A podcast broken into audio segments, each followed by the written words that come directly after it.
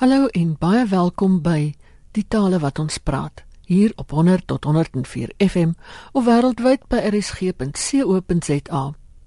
Dag en bykans nie 'n dag verby wat 'n mens nie hoor of lees hoe Afrikaans by skole en universiteite onder druk kom nie. Die vraag ontstaan noodwendig: Hoekom sukkel ons na 21 jaar van demokrasie nog hiermee? Ek het met professor Theodorus Du Plessis, 'n professor in taalbestuur aan die Vrystaatse Universiteit hieroor gepraat. Hy is ook die hoof van die eenheid vir taalfasilitering en bemagtiging aan die universiteit. Ja, en veral lyk dit vir my is die onderwys uh die die groot brand uh vraagstuk. Kyk, uh uiteraard uh, is daar 'n maklike antwoord, die maklike antwoord is dat hierdie soort van taalprobleme in 'n meertalige samelewing is nogal ingewikkeld. En ons is nie die enigste land in die wêreld wat met die soort van dinge spook nie. So mens moet mens moet ook af en toe net 'n glasie wyn neem en net onthou dat die wêreld word toenemend meertaliger en baie lande sukkel met dieselfde soort problematiek. Uh so dit dit is dis 'n een deel van die van die ding. So uh dis kon sê amper 'n universele probleem. Maar uh aan die ander kant uh dink ek uh al hoe meer hou ons uh, spesifieke dilemma wat jy nou van praat die 21 jaar gekarring dilemma verband dink ek met die feit dat ons uh as gemeenskap nie hou by afsprake wat ons maak nie. Uh dis baie belangrik dat ons moet besef hoe ons by ons taal situasie gekom het. Die een wat ons nou het, die die 11 elf amptelike tale bedeling.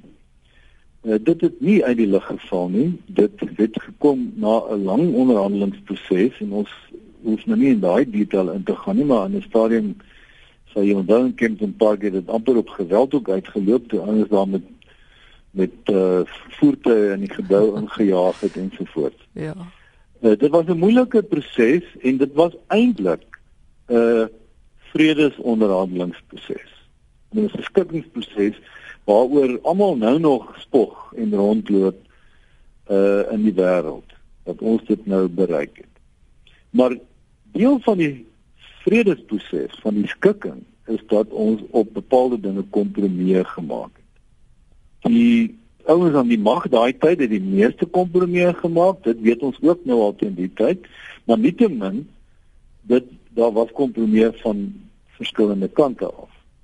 En hierdie kompromie het ingesluit dat ons met uh, die 11 tale wat toe in die land wel bestaan het as amptelike tale, weliswaar nie almal op dieselfde vlak nie, maar hulle het almal bestaan. Hulle dit is nie tale wat ook sommer nou nie uitgedink is nie. Hulle het almal bepaalde statusse geniet dat ons besluit het maar ons wil hierdie ehm uh, mosaïek behou en ons wil die veramptelik identiteit van die tale behou en verder voer. En goed, dit is dit is ook 'n ingewikkelde ding gewees wat ons besluit het, maar dit dit word beskryf uh daar's 'n baie mooi uh boek uh, hieroor geskryf oor die die die hele wonderwerk van van ons ons grondwetlike onderhandelingsproses waarin duidelik gestel word dat die feit dat ons besluit het ons gaan 11 amptelike tale hê en dat ons besluit het deel daarvan is dat Afrikaans se status nie sal verander nie en ook nie die status van Engels nie. daarmee bedoel ek die status van Engels moet nie minder nie, maar ook nie meer nie. Dat dit deel was van uh die reset om vrede te bewerkstellig. Dit was een van die grootste kompromieë wat gemaak is. Nou daaruit het nou 'n hele aantal ander meer praktiese dinge voortgevloei wat ons onmiddellik kon oplos. Uh van die dinge is nog moeilik om opgelos te kry, maar een wat ons onmiddellik kon oplos is ons het oor die skole lank gedebatteer.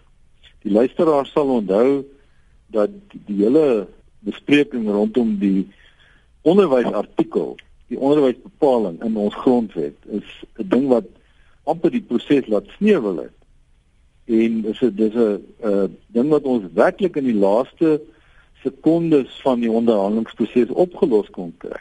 Maar daar het ons toe ook byvoorbeeld 'n duidelike afspraak gemaak dat ons kies in die land nie vir moedertaalonderwys nie. O, ons gaan dit nie verpligtend maak nie. Maar het ons gesê die afspraak is mense wat moedertaalonderwys wil hê, mag dit kry en kan dan onder bepaalde omstandighede dit doen, mag dit doen en uiteraard die implikasie is die staat moet dan toesien dat dit kan gebeur. Hm. Dis die staat se verantwoordelikheid want dit is deel van die afspraak. Maar die afspraak was ook dis nie 'n absolute afdwingbare reg nie. Die beginsel waarop ons toe ooreengekom het as deel van die kompromie was ons gaan in die land sê jy die vryheid van keuse oor die taal of tale van onderrig wat uh, jy graag sou wil gebruik. So dit is 'n reg wat beskerm word, maar dit in ander woorde die reg tot keuse. Hmm. Weereens het die staat dan met ander woorde 'n bepaalde verantwoordelikheid daartoe. Nou ondertussen weet ons nou, Ina was daar hofsaake hieroor gevegte die een wat onmiddellik opspring is die Ermelo Hoërskool kwessie. Ja. En daardie hofsaak het 'n uh, geweldige belangrike gevolg gehad dat die grondwethof waar dit toe op die ou end geëindig het, beslis het dat die staat moet sy verantwoordelikheid nakom om te verseker dat mense hierdie regte kan uitoefen. Anderswoorde, watter regte? Dat jy die keuse van onderrigtaal het en dat jy die keuse van moedertaalonderrig het as jy dit wil ophef. En dit word in die grondwet ingeskryf met die reg tot enkel medium skole. So dis dis implisiet die reg tot moedertaalonderwys, maar hy word nie so beskryf nie. Nou nou ken ons die verhaal hoe hierdie regte deur die staat voortdurend aangetast word. En dis wat ek nou met my aanvanklike stelling bedoel het. Ons hou nie by afsprake nie. En uh en mense lyk vir my het 'n gewellige kort geheue. Elke nuwe regering na 'n verkiesing begin lyk vir my met 'n skoon lesenaar.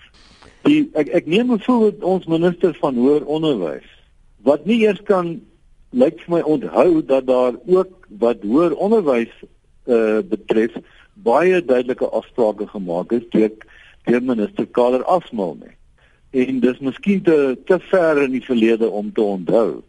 Maar wat hy gereël het, die afsprake wat hy met die universiteite gemaak het, bestaan tog nog. Dit is die die soort van raamwerk waar volgens ons by universiteite die taalbeleid aan ons universiteite moet uitvoer. Lyk my nou uh, dit dit wat ek nou bedoel. Nou kry jy 'n nuwe minister en dan weet hy nou nie wat die vorige minister gedoen het en dan begin hy oor. En dan raak hy stommiteite kwyt uh wat eintlik al reeds uitgesorteer was waaroor ons afsprake gemaak het. So hierdie hele sirkelgang lyk vir my is een van ons groot dilemma's. Ons wil in Suid-Afrika nie herinner daaraan word dat ons uit 'n moeilike situasie kom waarin ons kompromieë moes maak nie en die kompromieë is was gemaak om vrede te bewerkstellig, eenheid te bewerkstellig en 'n basis te bewerkstellig waar ons waarop ons saam as as meertalige nasie vorentoe kan gaan. Nou wat is veronderstel om te gebeur byvoorbeeld by universiteite?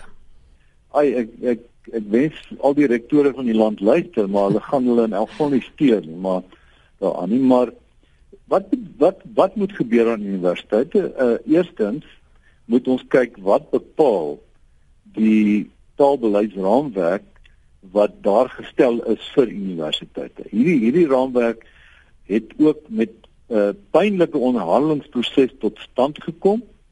Uh dit is 'n 'n proses waarin die uh, belangrike mense soos Neville Dr Neville Alexander, wyle Dr Neville Alexander, ja. bevoel 'n uh, 'n baie belangrike rol gespeel het en ander vooraanstaande uh taalmense in die land uh ek hoef nou nie almal doen nie wat deel gevorm het van hierdie proses en dit was 'n proses wat waaraan alle universiteite deelgeneem het. Die uiteinde van die hele proses was dat hierdie beleid tot stand gekom het. En uh dit was nou in uiteraard onder die leiding van ehm uh, wyle uh minister Kader Asma gedoen. Uh want hy wou hy wou ook hierdie hierdie ding opgelos kry. En die beleid uh, uh, hy bestaan nou ongelukkig net in Engels, uh, Language Policy for Higher Education in Suid-Afrika. Die beleid is nou nog die wetlike raamwerk waar volgens universiteite hulle taalstorie moet organiseer. Nou wat wat bepaal hierdie beleid? Met ander woorde, wat is die afsprake wat universiteite toe met mekaar gemaak het? En laat ek net miskien net 'n voetnotaatjie hier bysit. Uh, minister Kader Asmal het so ver gegaan. Hy was so inskikkelik destyds dat hy gevra het aan die universiteite of hulle nie sou verkies dat ons twee Afrikaanstalige universiteite in die land verskans nie. Met ander woorde dat ons ander universiteite ook toelaat om Afrikaans uh, in stand te hou, maar dat ons sê twee spesifieke universiteite proklameer ons Afrikaans en ons verskans hulle dit was onder leiding van uh, ook wyle professor Jake Gerwel ja. dat minister Asmal hierdie vraag aan universiteite uh, gestel het. En die Afrikaanse universiteite in daai tyd het het gesê nee, dit dit sal nie nodig wees nie. Ons sal ons verantwoordelikhede oor Afrikaans nakom. Dit het, dit het hulle op skrif gestel. Nou daar is 'n afspraak waarvan ons nie meer hoor nie. Ek noem noem noem nou maar eenetjie want hulle het aan hom die onderneming gegee want hy was besorg wat gaan wat gaan van Afrikaans word. Dit was sy op, oplossing. Hulle het gesê nee nee nee ons kom ons los hierdie twee Afrikaanse universiteite. Ons gaan hierdie hierdie taal aan universiteite voortbou en ons gaan hom dra. Nou daai tyd al het die demografie gewys dit sou nie moontlik wees nie maar nietemin hulle het die afspraak gemaak nou natuurlik hulle hulle opvolgelinge weet ook nou nie van die afspraak nie. Dis nou ook soos die minister van hoër onderwys wat nie lank geheers het nie. So nou het hulle dit ook al vergeet. Maar ek sê dit net as 'n voetnoot. Kom ek kom terug. Wat moet universiteite doen in terme van die taalbeleid vir hoër onderwys die taalbeleid oor, oor hoër onderwys sê 'n paar belangrike dinge. Die eerste belangrike ding is hy bepaal dat daar twee hoër onderwystale in Suid-Afrika is Die twee tale is Engels en Afrikaans. Dit bepaal die beleid. Dan verder sê die beleid ons gee toe dat die Bantu tale, dis nou die nege uh, ander sogenaamde inheemse tale, is nog nie heeltemal op die vlak van onderwys, hoër onderwystale nie. Uh ons moet hulle ontwikkel kry en uh daarna het daar 'n hele ondersoek gekom deur professor Ndebele oor hoe dit kan gebeur en daar bestaan ook daaroor afsprake onder meer dat elke universiteit moet 'n taal aanneem en verder ontwikkel sodat uiteindelik daardie tale ook gebruik kan word binne hoër onderwys. So dis die kern van die afspraak. Ons het twee tale wat gebruik sal word vir hoër onderwys. So as ek nou daai afspraak neem, Ina, net ter illustrasie. Nou kry jy 'n debat aan universiteite maar wat soek Afrikaans op ons kampus? Mm -hmm. Dan is die antwoord mos nou, maar dis die afspraak wat gemaak is in 2002 in terme van 'n beleid dat hierdie taal gebruik kan word aan universiteite waar dit prakties moontlik is. En daar bestaan nog 'n hele aantal universiteite in die land waar dit kan gebeur. So daar't jy nou 'n voorbeeld van die soort negering van afsprake wat ons kry. En baie keer hou dit verband met studente wat uh, ek wil amper byna sê nog nie in 2002 gebore was wat dan nou met allerlei vreemde idees kom en druk uitoefen op instellings. Terwyl die instelling die basis het hy het die norm wat deur die minister daar gestel is om toe te pas. Mens moet net gewoon bietjie moed hê en dit toepas. Verder sê daai uh, taalbeleid aan hoër onderwys dat daar nie meer iets bestaan soos Afrikaanse universiteite nie. Dit is ongelukkig wat in die afspraak gemaak is. Dit was met ander woorde nou die kompromie tussen die universiteite en minister Kader Asmal. Hy wou twee Afrikaanse universiteite gehad het.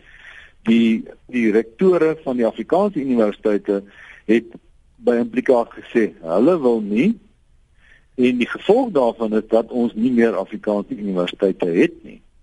So mens moet nie nou vir uh, ons minister kwaliteit neem as hy nou in die openbaar sê daar bestaan nie meer Afrikaanse universiteite nie. Hy dink natuurlik hy sê nou 'n nuwe ding, Maar as hy nou sy voorgangers se dokument gelees het, sou hy gesien het nee, dit dit is al daar gesê. So dis ook 'n belangrike ding waar waar ons moet weet. Nou daar net nog 'n illustrasie. Nou kry jy debatte uh, in die land wat sê maar ons moet 'n Afrikaanse universiteit hê. Jy kan dit doen privaat, maar ons het nie meer die raamwerk om dit wettig te doen nie. So daar daar kry jy ook 'n 'n nie nakoming van 'n afspraak.